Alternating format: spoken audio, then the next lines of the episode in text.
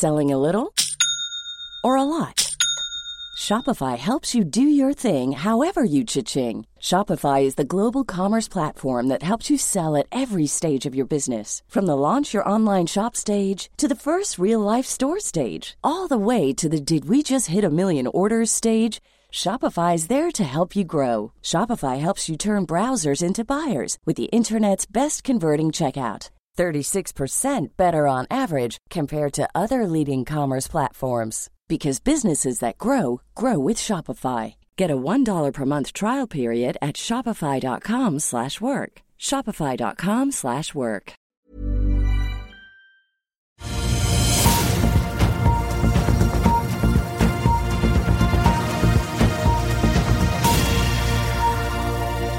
En god førjulstorsdag, får jeg si, og god morgen alle sammen. Velkommen til Børsmorgen. Jeg er Marius Lorentzen sammen med aksjekommentator Karl Johan Molnes på plass her på Smestadammen i Oslo. Kalenderen viser 21. desember idet vi bare har denne og én dag til igjen før julen senker seg over finansmarkedene og børsene tar fri. Men det betyr ikke at nyhetsbildet har roet seg, for børsoppturen post rentemøte i USA ser ut til å være over for denne gang. Hydro er i full gang med julevasken og varsler milliardtap i regnskapet. Hexagon Purus henter penger og kommer med et resultatvarsel. Jøtul er ute og permitterer ansatte på fabrikken på Kråkerøy. Og det skjer faktisk noe positivt i havvind for en gangs skyld. Og så får vi også ta med at vi selvfølgelig har et øye på dramatikken i Solstad, som ikke ser ut til å være over helt uh, ennå. På kalenderen i dag så får vi jo Jobless Claims uh, trygdetall fra USA. Vi får også BNP-tall fra verdens største økonomi.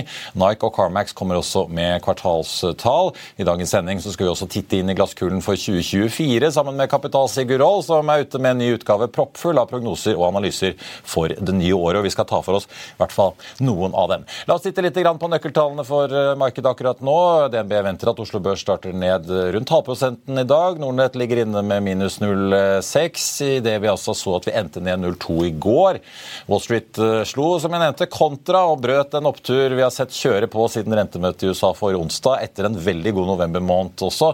Der John sendte ned 1,3 og brøt da en ni dager lang opptur. Men vi fikk jo notert da en ny all time high i denne oppturen, i motsetning til SMP, som var så veldig veldig nære, endte ned halvannen prosent i går på samme, på, si, på samme linje som Nasdaq. Også den steg for øvrig da ni dager før det var eh, slutt. For året så er Dow Jones opp nå 12 SMP er 22 og Nasdaq fortsatt da 41% opp, mens hovedveksten her hjemme ligger opp litt over 8 FedEx falt 12 eh, eh, i går, noen prosent verre enn det det så ut til da kvartalsrapporten kom for to dager siden etter stenging og aksjen sank rundt 9 etter eh, stengetid på kutt i guiding og mørkere utsikter. I Asia i morgentimen i dag så har vi sett stort sett røde børser, med unntak av Hang Seng i Hongkong, som er litt opp. Nordsjøoljen stiger også litt fra sluttkursen i går, opp da en drøy halvprosent til 79,60, men vi så jo da priser på over 80 i spotmarkedet i Eh, går. Mellom alle meldingene om renteøkninger fra bankene her i landet, der noen øker med 0,25 og andre tar 0,25 på innskudd og 0,15 på boliglån og presser egne marginer, så er det også litt annet å ta unna på nyhetsfronten. Hexagon Purus har sjøsatt en ny kronerulling og kommer også med et resultatvarsel godt pakket inn i emisjonsmeldingen. La oss ta resultatvarselet først. De kutter altså vekstanslaget sitt for i år fra 50 til 40% Samtidig så sier de at eh, den negative driften altså på EBTA-nivå fortsatt vil eh, falle med rundt 10% i kroner og øre, som jo implisitt betyr et kutt i marginen. Ordreboken har økt fra 1,1 milliarder ved utgangen av september til 1,3.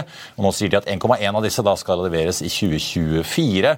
og inntekts, eh, eller Den lavere veksten enn det som var ventet i år, det skyldes forsinkelser i opptrappingen av eh, sylinderproduksjonen i Kassel i uh, Tyskland. Kronerullingen den skjer i form av en rettet emisjon med konvertible obligasjoner på 1 milliard som ble landet og overtegnet. Den løper i fem år med 10% fast rente. Konverteringskurs 1261, som er en premium på 25% de siste 45 eh, dagene, skriver selskapet. De som tar unna det aller meste av kapitalinnsprøytningen i denne konvertible obligasjonen, er japansk Mitsui, Hai 24 og Hexagon Composite assets. Mitsui sikrer seg en halv milliard. Også påpeker Hexagon at Hai24, som verdens største rene hydrogeninvestor, altså nå kommer inn i selskapet. Og pengene som hentes, skal brukes til å oppskalere det de nå skal levere av ordrer fremover innenfor systemer til ulike kjøretøy.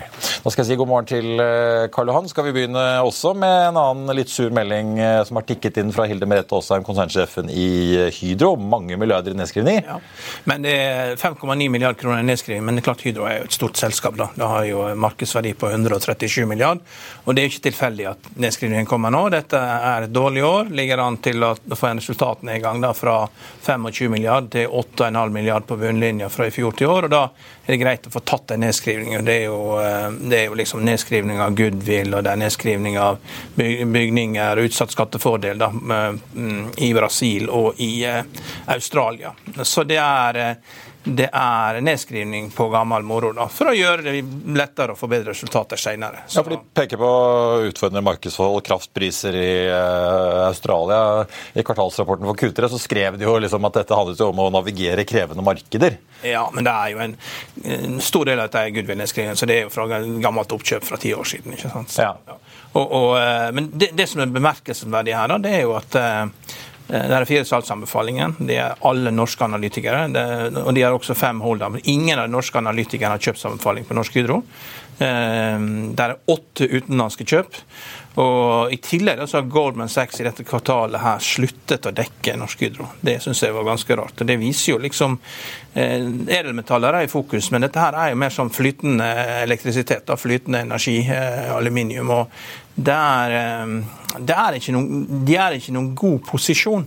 Vi hadde jo her Storebrand fossilfri i går, og de har ikke Hydro i porteføljen. og det, Der er en del grep de må gjøre da, for å bli grønne utenfor Norge. Da. Ja, for de har for mye holdt ja. på å si, ikke-grønt. Selv om eh, norsk vannkraft holder liv i den norske virksomheten, ja. så er det mye som ikke er drevet på norsk vannkraft. Ja. Men så har de klart å signere et samarbeid med Macquarie fra, fra Australia. Da. Det er jo helt glimrende. Så det er jo en, ja, på fornybarvirksomheten fornybar, i rein? Ja. Det er jo kjempebra. Så, det er jo, så, så her er jo Eh, det er jo absolutt håp, da. Men, men eh, på kort sikt så, eh, så kommer ikke noe positivt ut av en sånn nedskrivning som dette her. Og aksjen lå jo veldig lenge ned på 20 kroner under pandemien, og så spratt den opp og har svingt da mellom 45 og, og, og 75. Og, og, nå er den på 67, og kursmålet er 70. og det kommer til å bli en liten nedgang på dette her.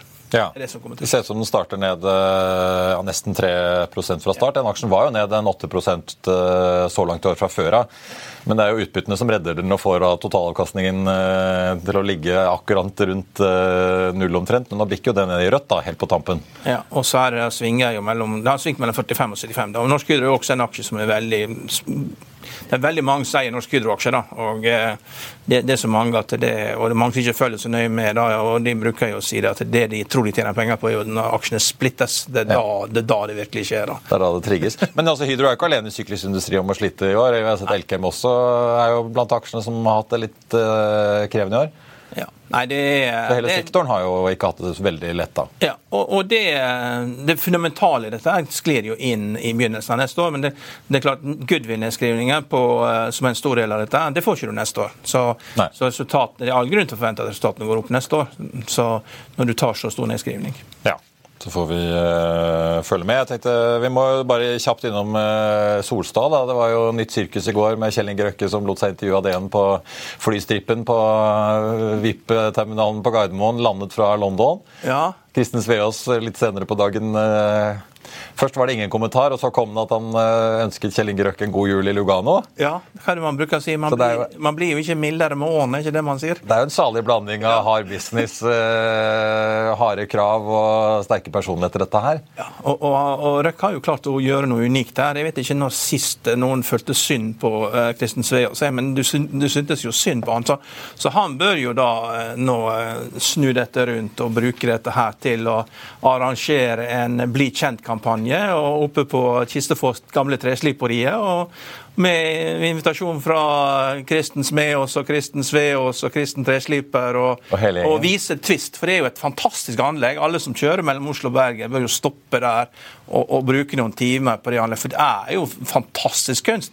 Og skal Røkke matche det, så må han jo ferdigstille eh, forskningsskipet sitt, som eh, er syv år forsinka og, og, har brukt like mye penger, som bare ligger under noen presenninger oppe i Søvika. Og, og, hvis de ikke blir ferdige, så blir det, må de bygge museum à la Vasa, om hva som skjer når du bygger en etasje for mye.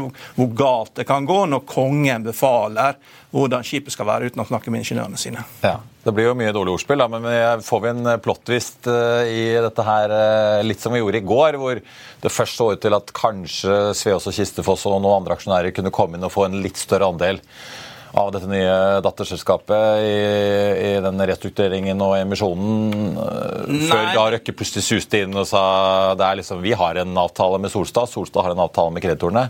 Nei, men, men eh, sånn, det virker som at det, dette her er veldig fastlåst, men, men ah, Vi hadde jo utsatt, Det var en ekstraordinær generalforsamling. Den ble utsatt i forståelse med Kistefoss, så da har det jo vært noe kontakt og dialog der, men det virker jo nå å være helt i det blå. Ja, men det er klart det er både Kjell Inge Røkke og veldig mange andre gikk jo rundt og var forbanna på at Ultveit Moe fikk alle de gode dealene før. Og, og, eh, Det er jo mange sånne dealer man kan få. da, så, og, men det viktigste du, men du må jo ha en deal som du kan ta alene, da, og, som er på din størrelse. Og, og Kristen Sveaas har gjort en god del fantastisk gode forretninger. altså Han har gjort det veldig bra. Og han har jo helt klart meldt seg på da, til å kunne gjøre lignende dealer, men kanskje den her er litt for stor. Det kan jo hende det finnes andre rederier som kan tas over, der han kan gjøre en tilsvarende, som er litt mindre, kanskje. Han er jo offshore med Viking, men Solstad ja, er, jo Det er isbrytere, det er noe annet. Og, og... Ja, men han er i bransjen, tenker jeg på sånn sett, da. Men uh, Solstad er jo det er veldig stor forskjell vet du, på disse her enkle båtene, PSV-ene, og, og, disse her kompliserte og dyre båtene som de ligner mer på subsea-fartøyer. Så, så det, og det er det Solstad sitter igjen med. Altså. Ja, De solgte jo resten til Tidewater. Ja. ja så det, og Alle PSV-båtene ble jo solgt eh, til Tidewater. Det var jo båter som kom fra Farstad og RM Offshore. Så det er veldig stor forskjell. Så, så det er ikke det samme. altså. Det er, eh, du, den industrien gikk jo for at båtene, liksom det de kostet i kroner, endte i Europa og kostet i dollar eh, i løpet av en 20-årsperiode. Og og, det er klart at Dette er ikke noen standardisert industri. og, og eh, Det er jo ingen som diskuterer om at det er Solstad skal fortsette å drive dette videre, for de har jo kompetansen på dette. Ja. Det er ikke noen som verken Røkke eller, eller eh, Sveås har lyst til å ta over sjøl og drive. Så er jo disse herrene glad i å snakke om verdiskapning. Det vi i hvert fall kan konstatere så langt, er jo at da Kristin Sveås gikk til angrep, så har jo aksjekursen steget veldig. I går falt den jo 6 og Det betyr at Solstad lå på en 10% for året, men jeg ser at nå faller den et par prosent til eh, i dag. Da. Så den, eh, på en måte det at det siger inn, at det kanskje blir Røkke som vinner frem 100 eh, potensielt her, det ser ikke ut til at markedet er veldig fornøyd med det. Men det er kanskje utvanningen som folk da får ja, som man må håpet å slippe? Siste, delvis. Siste ordet er ikke sagt her. Så det, det, det, de skal jo fortsatt snakke sammen. og Det er jo, det er jo kjekt for Kjell Inge Røkke å, å, sitte i Sveits unna sine, sine medarbeidere. Men man må jo samarbeide med andre for å unngå store feil. for det var jo det man lærte av Vasaskipet. Når, når kongen da bestemte alt, så ble det feilkonstruksjon. Og det er veldig vanskelig å drive noe skikkelig hvis du skal sitte som en konge og ta alle beslutningene. Du må, Etter det så ble Sverige et ingeniørsamfunn. Det er ingeniøren som styrer i Sverige, det er ingeniøren som styrer i Finland. Vi i Norge vi, eh, har jo, eh, ja, vi er gode på finansielle ting, vi har mye penger, men med en gang vi liksom skal gjøre ting, så sliter vi. Da Subsidier er vi gode på, men å få til ting, det er ikke vi så gode på lenger. I hvert fall NHO, hvis vi skal tro ja, Bård Schumann, som var på besøk her nylig. Ja. ja. så det, jeg, jeg, tror det er litt sånn uh, tankevekker at vi, når vi ikke engang klarer å bygge båter til kost og til tid uh, det, For det er jo noe av det som kjennetegner skipsbyggingsindustrien før, var jo at når du fikk en pris, så avvik du kanskje selv på et cruiseskip så avvik du bare med et par prosent på det kalkylene var. Og, og, så det er jo tydelig det at det forskningsskip der er noe som har gått helt galt. ikke sant, Når du bommer så mye. Vi får følge med. Solstad nå ligger rundt null, så ting er jo litt i eh, endring her. Vi snakket jo om Hydro, som ligger ned nesten 4% nå. Elkem faller også drøye 2 i dag. De melder jo om en forsinket oppstart av en ny ovn på anlegget deres på Island i dag. Hovedindeksen starter ned 0,4 i dag. Vi så den bikke under 1300 igjen da i går. Før vi går til reklamen, tenkte jeg bare å nevne også at det er litt gode nyheter for en gangs skyld i en ganske tøff havvindbransje om dagen. Danske Ørsted meldte i går at de altså har sanksjonert det som skal bli verdens største havvindpark, Hornsea 3. Den skal etter planen da bli større enn Doggerbank, som Equinor eh, er i full gang med og er inne på eiersiden eh, på. Vi snakker da om 5,5 mot 4,8 gigawatt samlet sett da for de to uh, områdene som bygges ut i flere faser. Prosjektet skal kaste seg mellom halvannen og 3 prosentpoeng over vektet kapitalkost, opplyser Ørsted, som er i nedre sjikt av hva de selv ønsker og sikter seg inn mot. Det som hjelper prosjektet, i motsetning til mange andre, er at disse CFD prisen, altså differansekontrakten, er indeksregulert mot eh, inflasjonen. Og det blir markedspris på anlegget på strømmen da etter 15 år. Ørsted peker også på at de fleste kontraktene med leverandørene ble satt altså før inflasjonen tok til for alvor. Det hjelper jo også veldig på kalkylene, som har spent ben, eller prisveksten da, har jo spent ben under mange andre parker i det siste. Så spørsmålet er jo da om man vil klare å gjenta noe slikt som Ørsted nå har gjort, med det første, gitt inflasjonen som har vært siden leverandørkontraktene ble inngått. Saptek har sikret seg 230 millioner i ekstra kreditt takket være en ny avtale med DNB, der halvparten av rammen er garantert av statlige Eksfin. Og så meldte hydrogenselskapet Nell i går om at de reverserer en tidligere tapsavsetning på snaue 19 millioner kroner nå i fjerde kvartal, fordi bøtene de fikk etter eksplosjonen på hydrogenfyllestasjonen i Sandvika for noen år siden, har blitt mindre enn de 20 millionene de først regnet med. Vi er tilbake med Sigurd Olje Kapital rett etter dette. Vil du bli oppdatert på det viktigste som har skjedd innen finans og næringsliv? Da er det bare å følge med, for hver morgen er jeg, Marius Lorentzen og aksjekommentator Karl Johan Malnes på plass i studio for å ta tempen på dagens marked i Børsmorgen. Og hver ettermiddag oppsummerer vi alt du trenger å vite i økonominyhetene, og det blir selvfølgelig masse interessante gjester. Klikk deg inn på fa.no-tv, eller søk opp Børsmorgen og Økonominyhetene der du hører på podkast.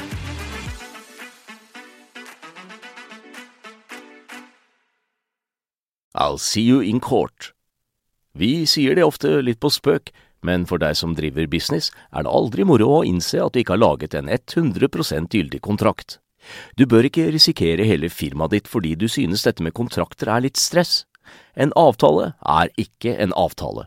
Du kan miste kunder, miste venner, ja, til og med miste inntekter om du ikke lager en skikkelig kontrakt, på alt mulig, egentlig. Men vi vet det er et styr kopimaskiner, tregprinter og haugevis av papir. Dessuten stoler vi jo på folk her i landet. Det er ofte litt kleint å skulle be om en signatur for alt mulig, ja, for mye av styret handler også om jakten på underskriften. Det finnes en enkel måte å løse dette på, Dukkobit, en trygg, effektiv og get this, gratis måte å sikre seg en god natts søvn pluss en juridisk bindende avtale. Dukkobit-appen har de strengeste sikkerhetskrav i bunn, samt en EU-godkjent og sertifisert teknologi. Framover vil det bli behagelig å spørre du, skal vi skrive under på det, eller? Kom i gang på dokobit.no. Da kan jeg bare holde opp uh, juleutgaven av uh, Kapital. Den kan man se etter enten på dørmatten eller holdt jeg på å si, din nærmeste Narvesen Kjell Sigurd, uh, kollega her i Kapital. Her er det jo holdt jeg på å si, alt fra prognoser om helsebransjen og govi og hyttemarked og det ene etter det andre. Ja. Det, det, er det. Og tradisjonen tro. Eh, Kapital kommer ut med sine 19 prognoser for norsk økonomi, i dette tilfellet 2024. Eh, de står seg godt og gir et utmerket bilde, mener vi, da, på norsk økonomi, som også oppsummeringene for 2023 viser. Eh, hvis vi tar litt hovedpunktene, da. Vi kan jo begynne litt med hva vi tenker. Ja, før vi graver oss ned i liksom det veldige børs, ja. skal vi ta liksom de store linjene? Ja, kanskje de store linjene. Det er helt enig med deg. Vi ser for oss en såkalt myk landing for, for norsk økonomi. På tremånedersbasis nå er vi jo norsk økonomi inne på en eh, nullvekstbane. Og med de inflasjonsratene vi har nå, nå lå vel kjerneinflasjonen på ca. 5,8 eh, på tolvmånedersbasis, det gir oss at vi går inn i tendenser til en stagflasjon. Vi ser ingen markant økning i arbeidsledigheten. Den skal litt opp, noe vi også spådde riktig for 2023. Det er dog eh, eh, tegn til at visse bransjer får det beinhardt eh, inn mot 2024. Bygg og anlegg eksempelvis. SSB spår faktisk at i eh, dette 2023-2024 så skal altså boliginvesteringene ned opp mot 30% Foreløpig er de ned 20 altså Det gjenstår ganske 10 til. 10 til, altså ja. 10 prosentpoeng til. altså det er det ligger vel permitteringsvarsel nå som går over til kanskje oppsigelse etter hvert. Vi så Maxbo og Trond Bentestuen skal nå si opp 100 mann. Og han var ganske dyster for 2024. Han var dyster, ja. han var dyster og bunnen er ikke nådd. Verken på retail eller på det profesjonelle markedet. Eh, vi ser også fra Manpower, også fra Finans-Norge, eh, NHO også, snakker om at tjenesteytende, tjenesteytende sektor har det tøft. Som sagt, bygg og, og anlegg. Og, også teknologisektoren. Blant IT-konsulentene er det jo nå et markant sceneskifte. Itera skriver det i sin tredje kvartalsrapport. Langere, eh, mye lengre salgssykluser, marginpress osv. Så, videre. så et overordnet, en, en, en myk landing flere spørsmålstegn.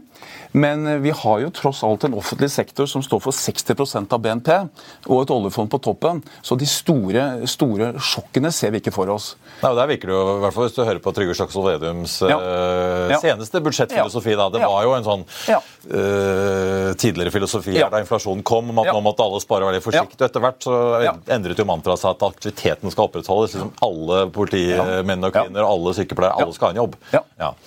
Så er vi, eh, som sagt, Arbeidsledigheten forventer vi litt opp. En reallønnsvekst vil nok ligge i kortene her. Eh, man, man, eh, ser også for seg, eller Vi i Kapital ser også for oss et godt nytt år for norsk offshoreindustri som sådan. Det ligger jo en skattepakke i bunnen her etter Solberg-regjeringen 2020. Den har gitt flere nye feltutbyggingssøknader, og det kommer etter hvert.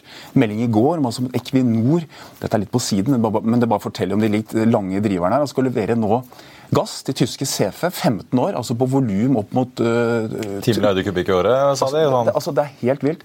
Altså Etterspørsel etter norsk gass, fravær russisk, det ligger der som en driver i seg selv. SSB oppjusterte vel nå for 2024 eh, nye, altså De har hatt prognoser for 2024, eh, men disse blir ytterligere oppjustert nå. de siste prognosene. Og legg merke til at Hvis du ser på hvordan prognosene sto for ett år siden inn mot 2023, så er det opp over 50 Altså, det er en kostnadsbit her også, men det er en aktivitetsbit. Så offshoresektor, Norge, det går så det griner etter. altså. Ja. Men det har ikke spilt seg ut på Oslo Børs. Det er vi heller, og interessant også på oljeserviceteksten i USA, er jo faktisk ned for året. Så her er det et tveget skjold. Uh, ja, for jeg tenkte på Subsea Seven er ja, liksom ett eksempel. De, har, de, har jo, ja. de, de, de, sier jo seg selv hvis du går og spør dem. Vi sliter med å overbevise markedet om liksom våre egne prognoser. Vanligvis kan jo et selskap slenge ut en guiding, og hvis du blir tatt seriøst, så tror jo folk stort sett på at her er det et eller annet som skjer. Det, det, det, det, er veldig godt poeng. ikke sant? Så Du har liksom den, de store industrilinjene som ligger der, men på børsen investorene litt mer aktbegivenhet. De guider jo selv for 2024, Subsea 7, en omsetning på over 6 milliarder dollar. Smak på det tallet. De mener de skal generere til neste år 15% EBT-margin, økende i 2015. De byr på prosjekter, offshore, havvind, hele bøtteballetten på vi kan ta norske kroner, over 200 milliarder kroner. Så det, det, det, det, er størrelser som på ingen måte er Hvis du tror på det, som, bakt, som reflekterer i dagens aksjekurs, mener vi. Derfor har vi den også i kapitalporteføljen. Det, er jo dette som gjør at markedet er så interessert i Doff Group og i Solstad, ja, også fordi ja. De har avanserte fartøy. Mm. Tjener Guyana nede i Exxon nede i Guyana, og det forventes også enda større ja. aktivitet da, rundt ja. dypvannsolje, Guyana, Brasil. Eh, og det driver dette. Mm. Mm. Vi hadde jo Jesper Schong i Feil Offshore Supplier uh, sist fredag, som påpekte at på disse subsea konstruksjonssegmentene så er jo Etterspørselen og aktiviteten er jo like høy som den var ja. Eh, før oljebremsen, altså for en ti år siden. Ja. Når det kokte skikkelig. Men flåten er 30% mindre. Ja. Mm. Så det, er, og det virker jo ikke som noen vil bygge noe særlig nytt av verken rigger eller Nei, det er for dyrt, rett og slett. Altså, du kan bygge ting som også kan brukes for havvind, for ja. da er det liksom greit innafor. Men det virker jo ikke som mange ja. vil bygge sånne rene, Nei. super high-spekkede olje- og gassfartøyer eller rigger lenger. Nei, så, men, vi, så unnskyld over til Morris, men vi i Kapital har et grunnleggende fortsatt godt syn på offshoresektoren, selv om det enn så lenge er noen noe eh, avmålthet på børsen. Petrobras for øvrig, hvis vi tar det litt store globalt, har jo i sin investeringsprognose 2024-2028 skal investeres altså 100 milliarder dollar feltutbygging f.eks. Bare årlig den perioden seismikketterspørsel på 1 milliard dollar. Altså Det er summer som åpenbart vil treffe aksjekursene, tenker vi. Derav TGS i porteføljen, derav Subsea 7 i porteføljen. Ja, for jeg skulle tenke, dere har jo øh, denne famøse kapitalporteføljen som ja. uh, i hvert fall uh, etter tallene her, da, når ja. det ble sjekket, opp ja. da nesten 24 ja. mot hovedindeksen på 8,5 ja. Så det er jo omtrent der vi er nå. Mm. Dere har Subsea 7 mm. TGS, som jo mm. snapper opp PGS og får seg noen skip. Crayon Group, også et par Sparebank1 SNM, SMN og SR Bank. Skal vi bare ta oljeservice først før vi går til de andre? da? TGS og Subsea 7 blir de værende? De blir jeg så TGS fikk en ny deal her ja, de på, på seismikk i, Nordsjø, i Nordsjøen. Var vel favoritt i sokkel, tror jeg. Men eh, paradoksalt nok, to av disse aksjene som er altså børsens mest shortede, ligger faktisk nå på porteføljen vår. Både TGS og Crayon. Eh, hvorfor man ligger så tungt short på TGS, det vet ikke jeg. Men eh, det er den synlige shorten på Finanstilsynets lister, den er altså helt, eh, helt urørt. Så de, de, dekker seg ikke inn her, altså. Og nå skal man jo nå gjennom en Nå har jo begge, både PGS og TGS, vært gjennom sine respektive granforsamlinger. Konkurransetilsynet vil ikke ha noen innsigelser her. Så her vil det bli en fusjon i løpet av Q1 2024. Og da må dette dekkes inn. Men eh, jeg har ikke fanget opp noen andre historier, og aksjonærlisten på topp 50 med Tveitreid i spissen er stabil, til dels økende. Så jeg tror det kan bli en eh, solid aksje på nyåret inn mot det sammenslåtte selskapet. Jo, Vi har jo også en aktør til som vi vet ønsker å komme inn på børs, eh, Sharewater, som er den andre store aktøren i verden ja. med skip. Det er omtrent ja. bare Kristian Johansen i TGS og Irene ja. Våge Basili. Der jobber de, de må jo få refinansiert seg og ordnet med balansen før de går på børs. Men der har jeg jo hørt at det jobbes på det er større interesse blant banker og sånn eh, for å stille opp eh, enn det det var for ikke veldig lenge siden. Mm. Nei, så Offshore-momentet offshore vårt i porteføljen ligger der. Og så har vi krydret dette med en hva skal vi kalle det, en, en alfa alfa-aksje med store bokstaver, med Crayon. Han, Jens Rugseth sitt uh, Apropos ja, IT-konsulenter. Og Vålinga ja. Høyrebekk, eh, jeg husker han fra tredjerekka på Jordal. Var på den tiden det var lov å røyke innendørs på Jordal. Eh, og da måtte man i tredje periode ja. man da vanne banen to ganger, for isen ble så bløt. Men han var nå på tredjerekka, jeg husker han godt. Stabil bekk. Men eh, nå var det jo, som Finansavisen avdekket i, i, går, det er ganske harde fronter mellom da styret, hovedaksjonærer, og analytikere, analytikerkretser, spesielt DNB Markets. Ja, Særlig Bjørnsen i DNB Absolutt. får kjørt seg hardt. Ja, og Det som kom frem i går, synes jeg var litt oppsiktsvekkende. Jeg har sittet som megler noen år, og uh, Mollens også vært i bransjen lenge. og Når du begynner med kommunikasjon på WhatsApp og så bilaterale kommunikasjonsplattformer, så rygger jeg, altså. For Syversens påstand var jo at det pågår ganske mye eh, hva skal vi si, kommunikasjon mellom altså hedgefond, shortgrupper osv. Og, så og de har vel hatt et møte nå for å prøve å rydde opp. Men det koker jo ned til eh, om man tror om denne skybaserte modellen globalt står seg. Eh, organisering av pro programvaretjenester. Selskapet priset til bare litt over 7 milliarder kroner, ned 20 hittil i år. Eh, elendig utvikling på arbeidskapital har, har plaget aksjen i hele år. Først litt med noen store fordringer, ja, ja, ja, det har vært mye, ja. Det, det, og det gjelder bare, ikke minst i Norden, eh, altså det, gjelder, altså det er globalt, altså Afrika, Asia, Stillehavet osv., men også Norden. og De har jo suksessivt tatt ned justert EBDA-prognoser hele 2023. Så, så, så, det er ikke tatt helt ut av løse luften, dette her. Hvis du, hvis, du, går tilbake igjen til 2021 og alt uh, ja. i himmel, så var jo veksten for skyleverandørene, sånn som Asur og AWS mm. som, som, som er, Amazon og Microsoft, ja. Amazon og Microsoft, var liksom 50 mm. årlig vekst. da. Mm. Og veldig mye av dette var jo drevet av uh, mindre software as a service-selskaper mm. som startet opp, fikk funding fra venture capital i USA, og en enorm vekst. Og, du, og alle skulle ha det. Og Shopify og ja og eh, internettshopping. Og, og, så faller da veksten liksom 40% og 30 og, og, og det kommer ned til mm. normale mm. vekster av 20 da. Og det Crayon gjør, da, de selger jo den type integrering til emerging markets, altså utenfor USA, ikke sant? Mm. Uh, og, men uh, har man samme type behov som man har i USA for denne type mm. tjeneste? Og hvordan ser liksom syklusen ut der? Det er jo det som er spørsmålet. For uh, det virker å være veldig sterke fans fans. da. Og Jeg hørte jo også på Aksjepodden eh, med Preben Rask Olsen. Stor fan av Crayon. Eh, han likte selskapet veldig godt, uten at det liksom gikk helt mm. ned i grøten på at jeg skjønte mm. akkurat hvorfor. Mm. Eh, bortsett fra at han, det kan godt hende han sitter på den informasjonen han ikke vil dele med andre. Men jeg liker liksom å, å, å du må liksom, Skal du forstå sånne ting som dette her, så, så er det beste jeg ofte å snakke med CFO. Det, det, er det the rubber meets the road. Altså Å snakke med administrerende direktør eller styreformann, det blir altfor mye luft. Og når styreformannen begynner å blande seg inn sånn som dette her, eh, det er eh, ja, veldig det rart. Det. Det, det er veldig rart, for Jeg tror ikke han har noe oversikt over Han skal ikke ha den detaljerte oversikten som han trenger for å vite hva som får ha på pulsen på et selskap der det er debattert hva som skjer. Og så er det neste spørsmålet hva er det DNB vet som ingen andre vet? Det i hvert fall blir helt avgjørende i den fjerde kvartalsrapporten. De altså Selskapet selv har guidet at de skal faktisk få en bedring av arbeidskapitalen isolert Q4 på halvannen milliard kroner. Kan, hvis de får til det, så tror jeg det kan stabilisere caset. For det er en uh, verkebyll uten like. For øvrig har vi tatt den inn i porteføljen litt på bakgrunn av en artikkel vi hadde her for noen uker siden om hvilke uh, aksjevinnere kan vi ha i et scenario med vedvarende høye renter.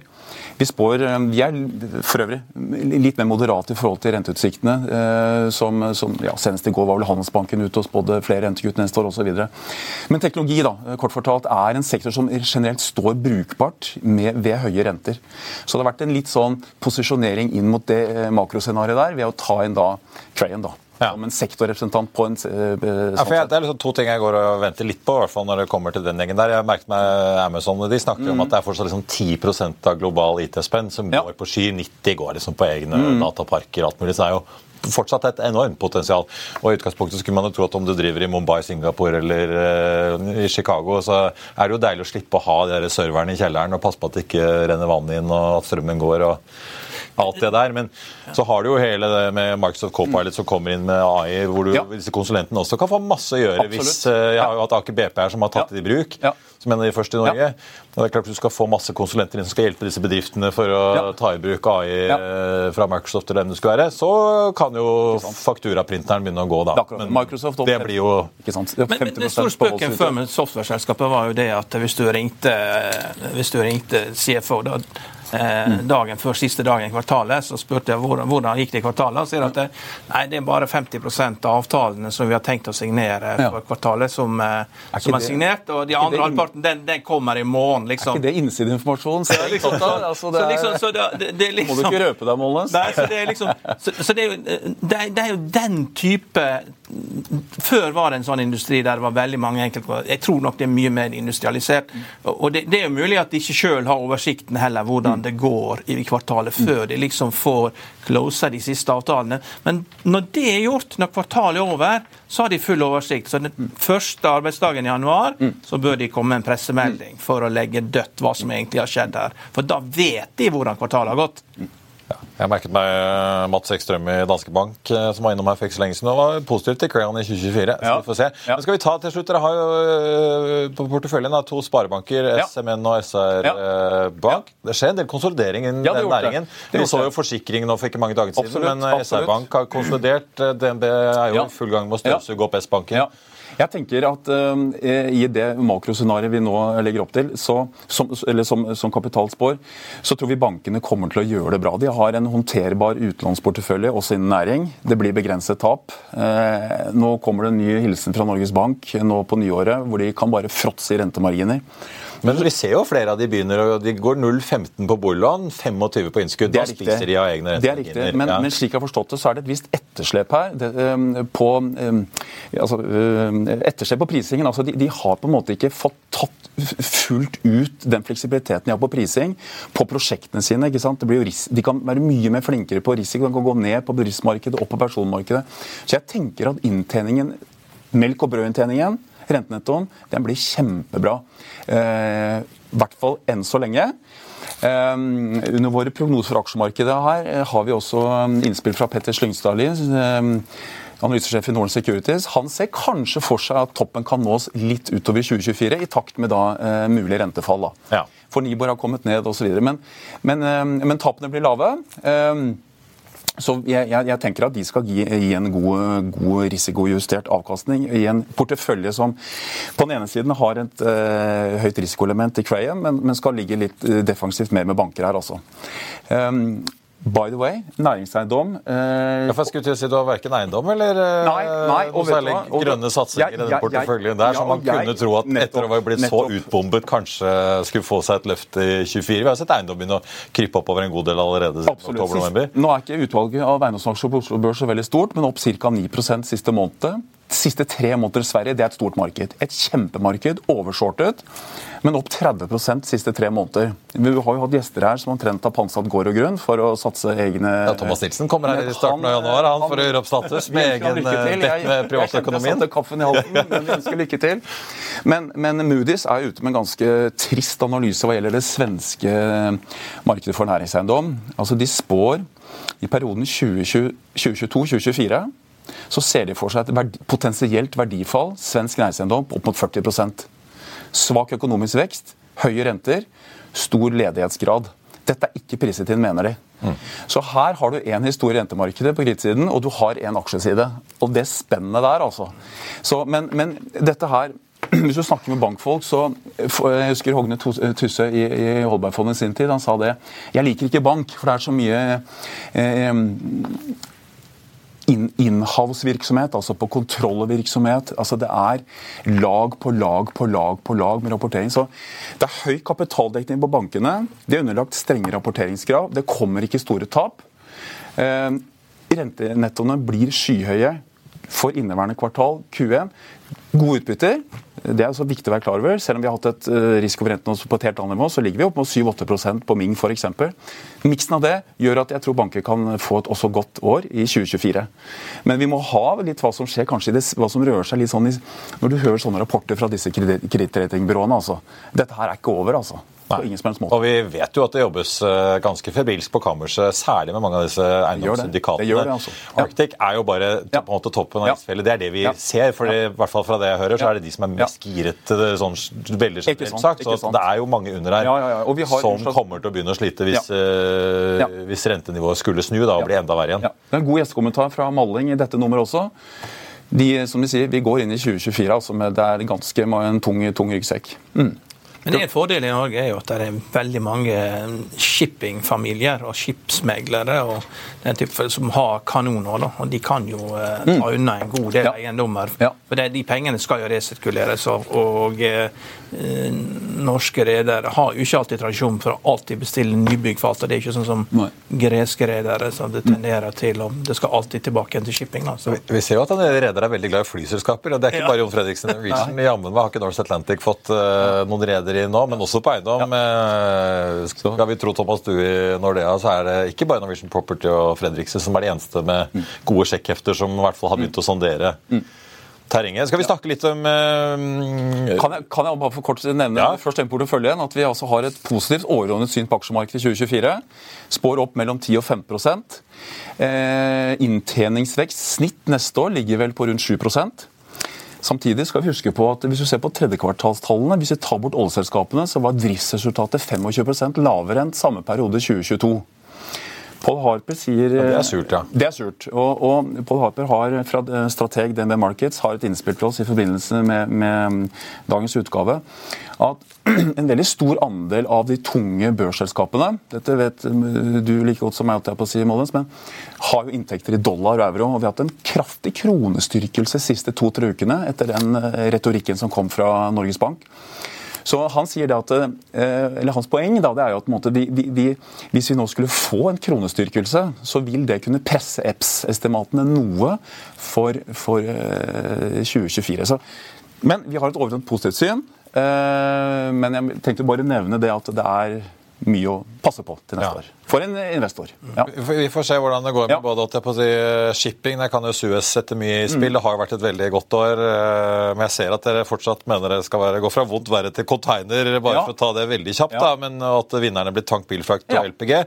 Eh, kort om syklisk industri. som vi var inne til, Hydro og Elkem disse har jo hatt et ganske krevende år. Ser det noe bedre ut? Og Norske Skog. Og Norske Skog. Norske, norske skog Ser det noe bedre ut i 24? Yara, Hydro, Elkem kommer nå med et kostnadskuttprogram uten like. Seb var ute med selv etter en elendig Q3-rapport. Holder på Seb. De bare sier én ting til kundene sine. Det blir verre før det blir bedre. Ja.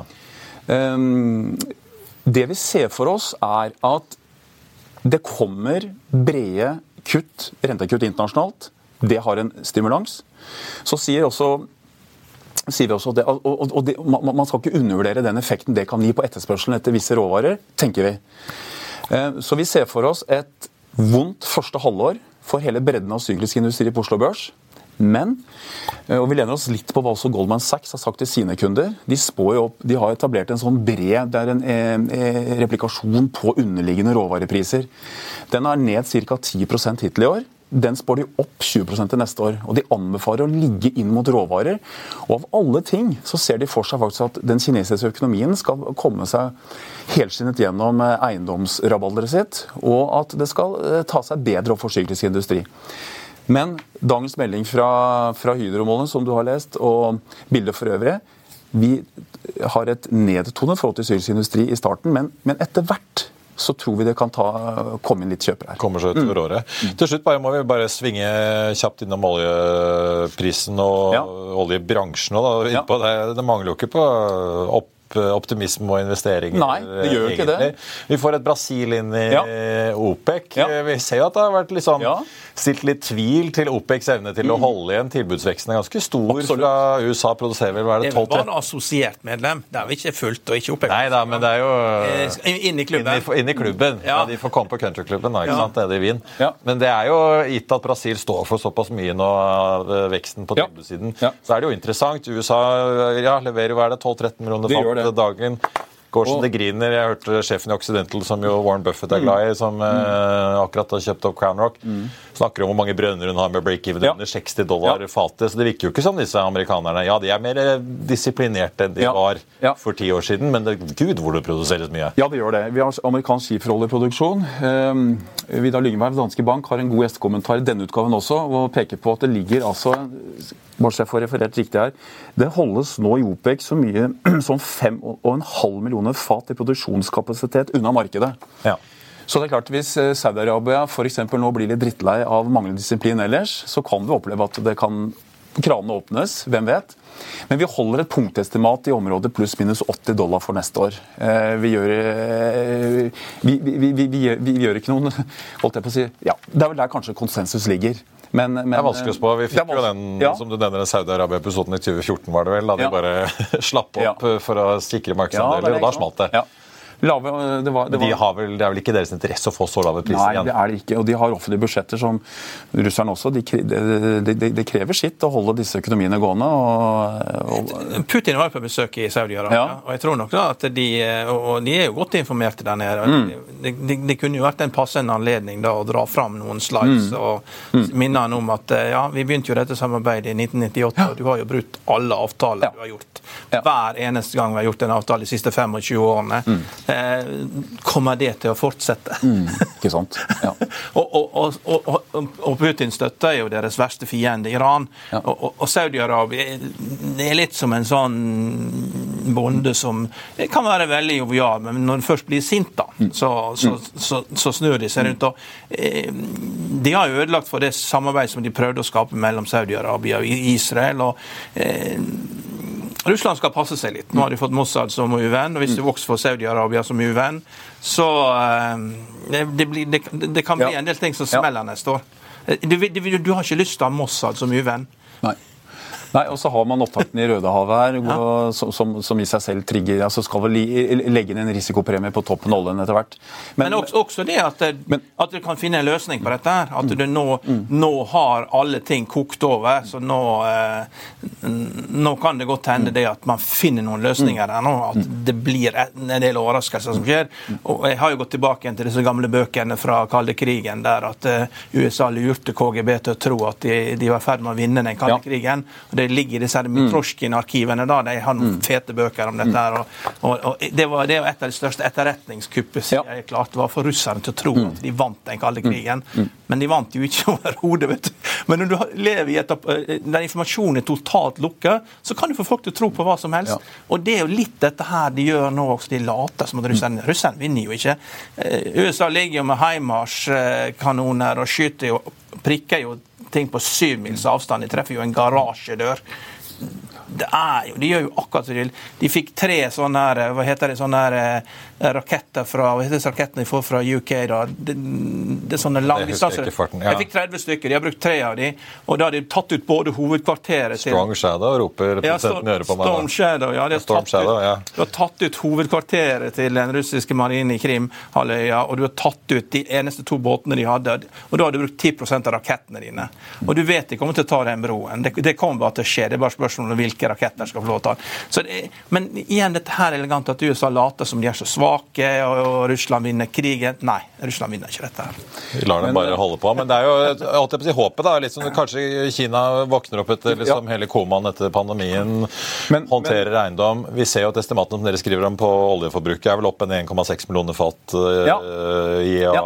til neste år. Så ja. underliggende etterspørselen er jo sånn sett det det. Uh, bra for bransjen. Altså er spørsmålet om tilbudet øker for mye eller ikke. Det er akkurat det. For øyeblikket er det en litt misbalanse her. Misbalanse, misbalanse. Har, det er riktig at man har et godt eh, etterspørselsestimat for 2024, men lagertellingen fra IEA for, inne, altså for fjerde kvartal den viser at etterspørselen har vist noe avtagende veksttendens for øyeblikket.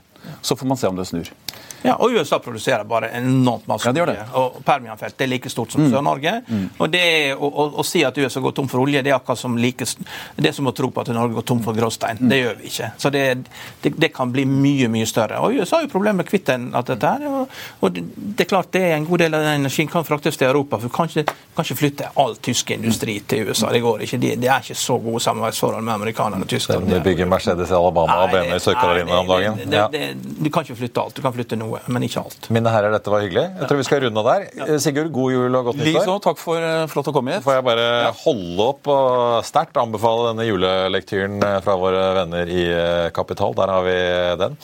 På tappen av sendingen så tenkte jeg bare å nevne noen ferske aksjeanalyser som har kommet da det siste døgnet. Deutsche Bank har regnet på Yara, nedjusterer kursmålet der fra 365 til 359. Gjenta Hold-anbefalingen. Den endte i går da på 360-350. Så har vi BNP Paribas som har regnet litt på Gjensidige. Oppjusterer forsikringsselskapet med 4 kroner til 167. Gjentar salgsanbefalingen. Aksjen endte i går på 181, da før vi entrer et år som veldig mange tror vil bli forsikringsselskapenes år. Carnegie oppjusterer kursmålet på Pexip med 2 kroner. Gjentar hold-anbefalingen. Den endte i går på 27,76. Og så får jeg også ta med at hovedveksten har hentet inn litt av det tapte. Ligger ned nå 0,12 med en oljepris som har bikket over 80 igjen. Opp nå drøye prosenten. Og så har vi da shippingindeksen på Oslo Børs som vi har fulgt med litt uh, gjennom uken, gitt det som skjer i Rødehavet. Ligger ned 0,3. Solstad har faktisk snudd til uh, grønt igjen etter at uttalelsene fra Kjell Inge Røkke sendte aksjen kraftig ned i går, og også på starten av dagen i dag. Hydro ligger ned 3,5 etter uh, milliardnedskrivningen i Australia og Brasil. Elkem ned snaue 2. Og så får vi også ta med da Crayon ned 0,9% i eh, dag. Det var børsmålen for ikke bare denne torsdag 21.12., men også for eh, andre halvår 2023, får jeg si. Men selv om dette er da siste ordinære direktesending før jul og nyttår, så frykt ikke. Det er masse interessant stoff på vei ut i dagene fremover i podkast-feeden vår, så bare søk opp Børsmorgen eller Økonominyhetene i Spotify, Apple Podcast eller der du hører på podkast, så får du med deg alt vi har å by på i dagene fremover inn i høytiden. Siste nytte får du som alltid gjennom hele julen og nyåret på FA1. Nå, mitt navn er Marius Lorentzen, og på vegne av meg, Karl Johan og alle oss her i Hegna Media, ha en riktig god jul og et godt nyttår alle sammen.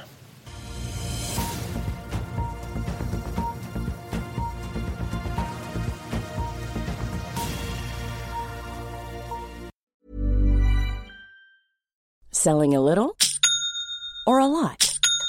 Shopify helps you do your thing however you cha-ching. Shopify is the global commerce platform that helps you sell at every stage of your business. From the launch your online shop stage to the first real life store stage, all the way to the did we just hit a million orders stage. Shopify is there to help you grow. Shopify helps you turn browsers into buyers with the internet's best converting checkout. 36% better on average compared to other leading commerce platforms because businesses that grow grow with Shopify. Get a $1 per month trial period at Shopify.com slash work. Shopify.com slash work. Økonominyhetene er en podkast fra Finansavisen. Programledere er Marius Lorentzen, Stein Ove Haugen og Benedikte Storm Bamvik. Produsenter er Lars Brenden Skram og Bashar Johar. Og ansvarlig redaktør er Trygve Hegnar.